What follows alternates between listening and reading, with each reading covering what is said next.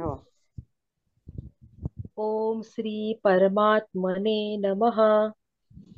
ॐ श्री परमात्मने नमः। अथ गजेन्द्रमोक्षः अथ गजेन्द्रमोक्षः नारद उवाच। नारद उवाच।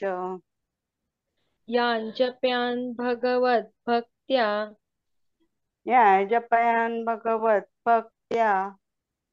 यान जप्यान भगवत भक्त्या यान Japan. यान Japan भगवत भक्त्या प्रल्हादो दानवो जपत प्रल्हादो दानवो जपत प्रल्हादो दानवो जपत प्रल्हादो दानवो जपत याञ्जप्यान् भगवद्भक्त्या याञ्जप्यान् भगवद्भक्त्या प्रह्लादो दानवो जपत्। प्रह्लादो दानवो जपत्। गजेन्द्रमोक्षणादिस्तु। गजेन्द्रमोक्षणादिस्तु। गजेन्द्रमोक्षणादिस्तु। गजेन्द्रमोक्षणादिस्तु। चतुरस्तान् वदस्व मे। चतुरस्तान् वदस्व मे। चतुरस्तान् वदस्व मे। चतुरस्तान् वदस्व मे। गजेन्द्रमोक्षणादिस्तु। गजेन्द्रमोक्षणादिस्तु। चतुरस्तान् वदस्व मे। चतुरस्तान् वदस्व मे याञ्जप्यान् भगवद्भक्त्या। याञ्जप्यान् भगवद्भक्त्या। प्रह्लादो दानवो जपत्। प्रह्लादो दानवो जपत्। गजेन्द्रमोक्षणादिस्तु। गजेन्द्रमोक्षणादिस्तु। चतुरस्तान् वदस्व मे। चतुरस्तान् वदस्व मे। पुलस्त्य उवाच। पुलस्त्य उवाच। शृणुष्व कथयिष्यामि। शृणुष्व कथयिष्यामि। जप्यानेतांस्तपोधन जप्यानेतांस्तपोधन शृणुष्व कथयिष्यामि। शृणुष्व कथयिष्यामि। जप्यानेतांस्तपोधन। जप्यानेतांस्तपोधन। दुःस्वप्ननाशो भवति। दुःस्वप्ननाशो भवति। दुःस्वप्ननाशो भवति। दुःस्वप्ननाशो भवति। यैरुक्तैः संश्रुतैः स्मृतैः। यैरुक्तैः संस्कृतैः श्रु- स्मृतैः यैरुक्तैः संश्रुतैः स्मृतैः यैरुक्तैः स्मृतैः दुःस्वप्ननाशो भवति दुःस्वप्ननाशो भवति यैरुक्तैः संश्रुतैः स्मृतैः यैरुक्तैः संस्कृतैः स्मृतैः शृणुष्व कथयिष्यामि शृणुष्व कथयिष्यामि जप्यानेतांस्तपोधन। जप्यानेतांस्तपोधन। दुःस्वप्ननाशो भवति। दुःस्वप्ननाशो भवति। यैरुक्तैः संश्रुतैः स्मृतैः। यैरुक्तैः संस्कृतैः स्मृतैः। गजेन्द्रमोक्षणं त्वादौ। गजेन्द्रमोक्षणं त्वादौ। शृणुष्व तदनन्तरम्। शृणुष्व तदनन्तरम्। गजेन्द्रमोक्षणं त्वादौ। गजेन्द्रमोक्षणं त्वादौ। शृणुष्व तदनन्तरम्। शृणुष्व तदनन्तरम्। सारस्वतं ततः पुण्यौ सारस्वतं ततः पुण्यो। पापप्रशमनौ स्तवौ पापप्रशमनौ स्तवौ सारस्वतं ततः पुण्यौ। सारस्वतं ततः पुण्यौ। पापप्रशमनौ स्तवौ पापप्रशमनौ स्तवौ गजेन्द्रमोक्षणं त्वादौ। शृणुष्व गज तदनन्तरम्। गजेन्द्रमोक्षणं त्वादौ शृणुष्व तदनन्तरम्। सारस्वतं ततः पुण्यौ पापप्रशमनौ स्तवौ सारस्वतं ततः पुण्यौ पापप्रशमनौ स्तवौ सर्वरत्नमयः श्रीमान्। सर्वरत्नमय श्रीमान्। सर्वरत्नमयः श्रीमान् सर्वरत्नमय श्रीमान् श्रीकूटो नाम पर्वतः। स्त्रीकोटो नाम पर्वतः। स्त्रीकूटो नाम पर्वतः। त्रिकोटो नाम पर्वतः। सर्वरत्नमयः श्रीमान् सर्वरत्नमय श्रीमान् श्रीकूटो नाम पर्वतः। त्रिकूटो नाम पर्वतः। सुतः पर्वतराजस्य सुतः पर्वतराजस्य सुतः पर्वतराजस्य सुतः पर्वतराजस्य सुमेरोर्भास्करद्युतेः। सुमेरोर्भास्करद्युतेः सुमेरोर्भास्करद्युतेः सुमेरोर्भास्करद्युतेः सुतः पर्वतराजस्य सुतः पर्वतराजस्य सुमेरोर्भास्करद्युतेः सुमेरोर्भास्करद्युतेः सर्वरत्नमयः श्रीमान् श्रीकूटो नाम पर्वतः। सर्वरत्नमय श्रीमान् त्रिकोटो नाम पर्वतः। सुतः पर्वतराजस्य सुमेरोर्भास्करद्युतेः सुतः पर्वतराजस्य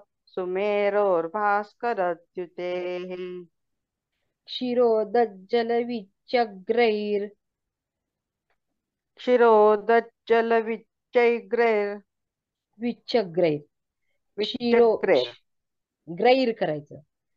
ग्रैर क्षीरोद जल विचग्रैर क्षीरोद जल विचग्रैर क्षीरोद विच्चग्रैर क्षीरोद जल विचग्रैर क्षीरोद जल विचग्रैर बरोबर? धवता हा धवता मलशिला तलहा धवता मलशिला तलहा धवता मलशिला तलहा धवता मलशिला तलहा क्षीरोदजलविचग्रैर्। क्षीरोदजलविचग्रैर्। धवता मलशिला तलहा धौतामलशिलातलः उत्थितः सागरं भित्त्वा उत्थितसागरं भित्त्वा देवर्षिगणसेवितः। देवर्षिगणसेवितः। उत्थितः सागरं भित्त्वा उत्थितसागरं भित्त्वा देवर्षिगणसेवितः देवर्षिगणसेवितः क्षीरोदज्जलविच्चग्रैर्धौतामलशिलातलः क्षीरोदजलविच्चग्रैर्धौतामलशिलातलः उत्थितः सागरं भित्त्वा देवर्षिगणसेवितः उत्थितसागरं भित्त्वा देवर्षिगणसेवितः खूप छान. ओम श्री परमात्मने नमः. अथ गजेन्द्रमोक्षः नारद उवाच. याञ्जप्यान् भगवद्भक्त्या प्रह्लादो दानवो जपत्. गजेन्द्रमोक्षणादींस्तु चतुरस्तान् वदस्व मे. पुलस्त्य उवाच. शृणुष्व कथयिष्यामि। जप्यानेतांस्तपोधन दुःस्वप्ननाशो भवति। यैरुक्तैः संश्रुतैः स्मृतैः। गजेन्द्रमोक्षणं त्वादौ शृणुष्व तदनन्तरं। सारस्वतं ततः पुण्यौ पापप्रशमनौस्तवौ सर्वरत्नमयः श्रीमान् स्त्रीकूटो नाम पर्वतः। सुतः पर्वतराजस्य सुमेरोर्भास्करद्युतेः। क्षीरोदज्जलविच्चग्रैर्धौतामलशिलातलः। उत्थितः सागरं भित्त्वा देवर्षिगणसेवितः। अप्सरोभिः परिवृत्त श्रीमान् प्रस्त्रवणाकुलः गन्धर्वैः सिद्धचारणपन्नगैः। विद्याधरैः सपत्नीकैः संयतैश्च तपस्विभिः। वृकद्वीपी गजेन्द्रैश्च वृतगात्रो विराजते। पुन्नागैः कर्णिकारैश्च बिल्वामलकपाटलैः चूतनीपकदम्बैश्च चन्दनागुरुचम्पकैः शालैस्तालैस्तमालैश्च सरलार्जुनपर्पटैः तथान्यैर्विविधैर्वृक्षैः सर्वतः समलङ्कृतः नानाधात्वङ्कितैः शृङ्गैः प्रस्त्रवद्भिः समन्ततः शोभितो रुचिरप्रख्यैः स्त्रिभिर्विस्तीर्णसानुभिः मृगैः शाखामृगैः सिंहैर्मातङ्गैश्च सदा मदैः। जीवं जीवकसङ्घुष्टैश्चकोरशिखिनादितैः तस्यैकं काञ्चनं शृङ्गं सेवते यं दिवाकरः। नानापुष्पसमाकीर्णं नानागन्धाधिवासितं द्वितीयं राजतं शृङ्गं सेवते यन्निशाकरः। पाण्डुराम्बुदसङ्काशं तुषारचयसन्निभं। वज्रेन्द्रनीलवैडूर्यतेजोभिर्भासयन्दिशः तृतीयं ब्रह्मसदनं प्रकृष्टं शृङ्गमुत्तमं। न तत्कृतघ्नाः पश्यन्ति न नृशंसा न नास्तिकाः नातप्ततपसो लोके ये च पापकृतो जनाः। तस्य सानुमतपृष्ठे सरकाञ्चनपङ्कजं कारण्डवसमाकीर्णं राजहंसोपशोभितं। कुमुदोत्पलकल्हारैः पुण्डरीकैश्च मण्डितं कमलैः शतपत्रैश्च काञ्चनैः समलङ्कृतं पत्रैर्मरकतप्रख्यैः पुष्पैः काञ्चनसन्निभैः गुल्मैः कीचकवेणूनां समन्तात् परिवेष्टितं तस्मिन् सरसि दुष्टात्मा विरूपोऽन्तर्जलेशयः। आसीद्ग्राहो गजेन्द्राणां रिपुराकेकरेक्षणः अथ दन्तोज्ज्वलमुख कदाचिद्गजयूथपः मदस्त्रावी जलाकाङ्क्षी पादचारीव पर्वतः। वासयन्मदगन्धेन गिरिमैरावतोपमः। गजो ह्यञ्जनसङ्काशो मदाच्चलितलोचनः। तृषितः पातु कामोऽसौ अवतीर्णश्च तज्जलं सलिलपङ्कजवने युथमध्यगतश्चरन्। गृहीतस्तेन रौद्रेण ग्राहेणाव्यक्तमूर्तिना।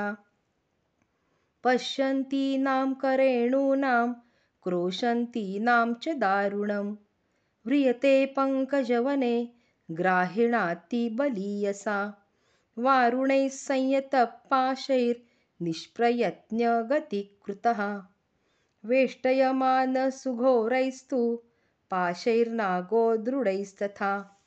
विस्फुर्य च यथाशक्ति विक्रोशंश्च महारवान्।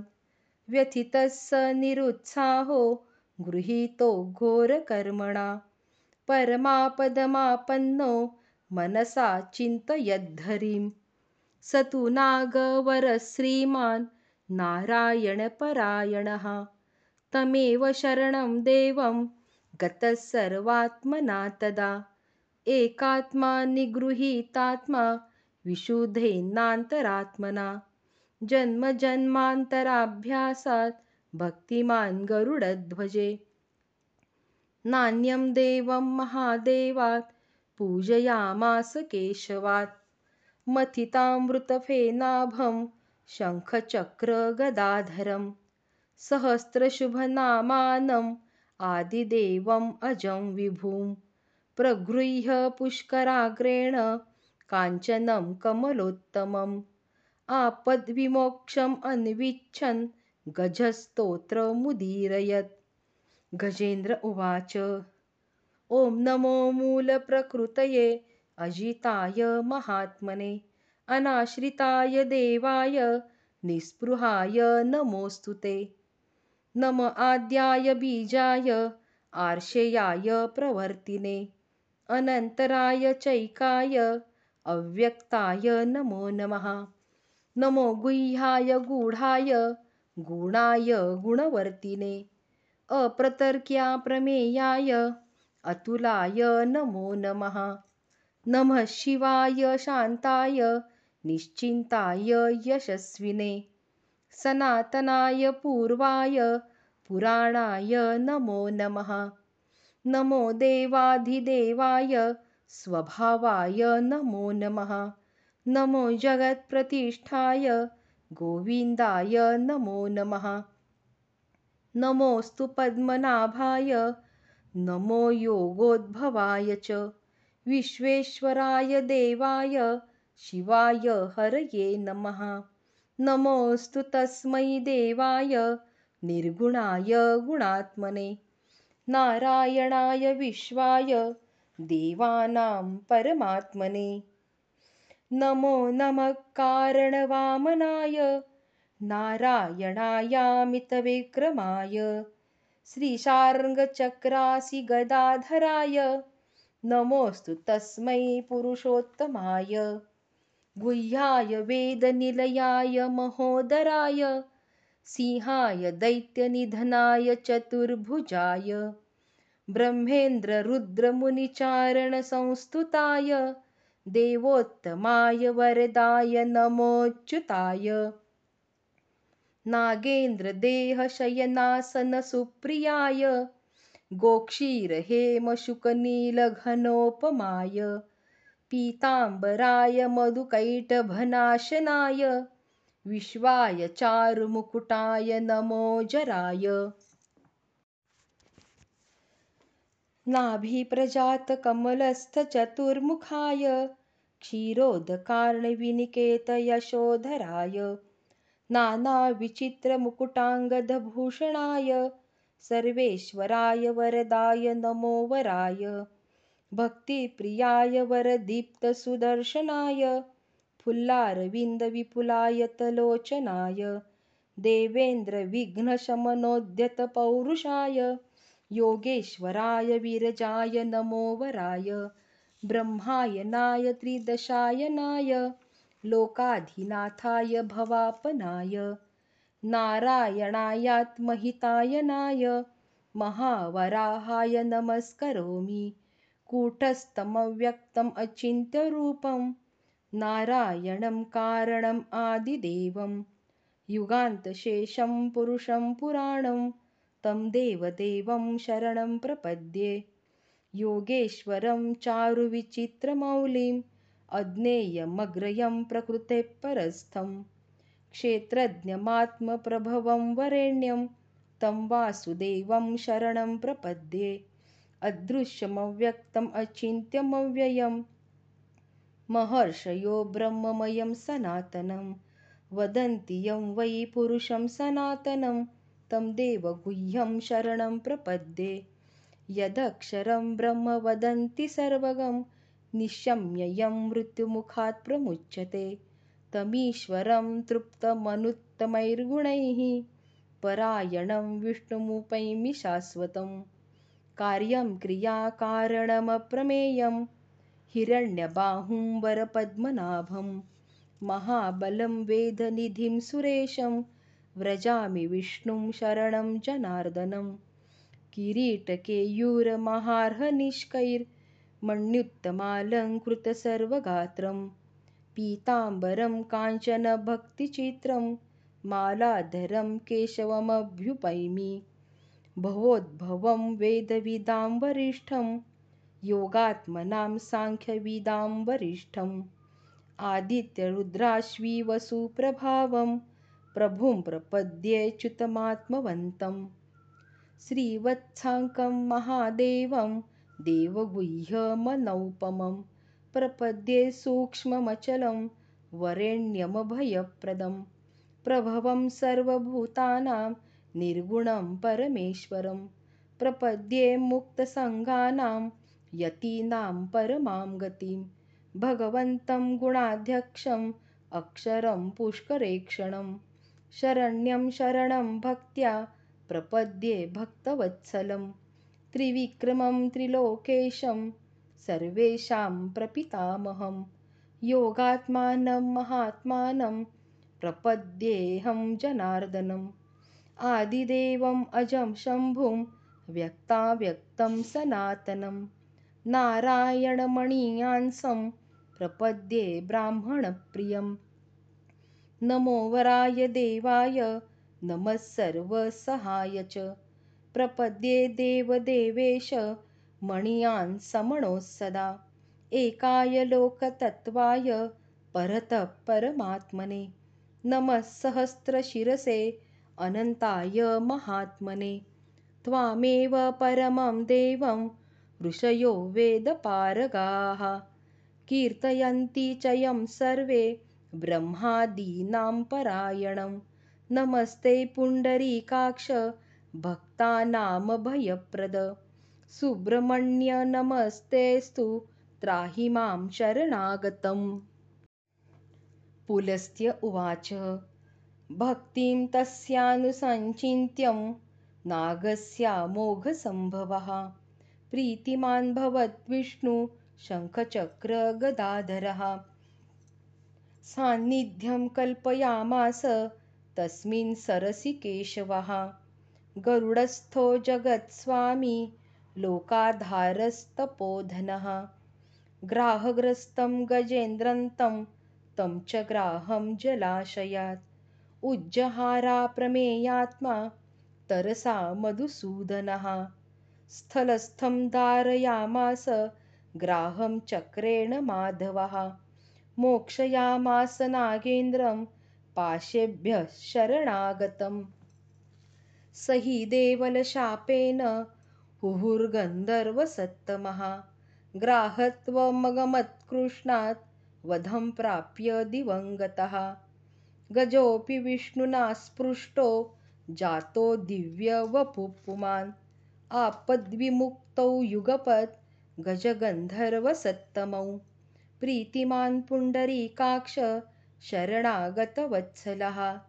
अभवत्वथ देवेशस्ताभ्यां चैव प्रपूजितः। इदं च भगवान् योगी गजेन्द्रं शरणागतं। प्रोवाच मुनिशार्दूल मधुरं मधुसूदनः। श्रीभगवानुवाच। ये मां त्वाञ्च सरश्चैव ग्राहस्य च विदारणं गुल्मकी च करेणूनां रूपं मेरोः च।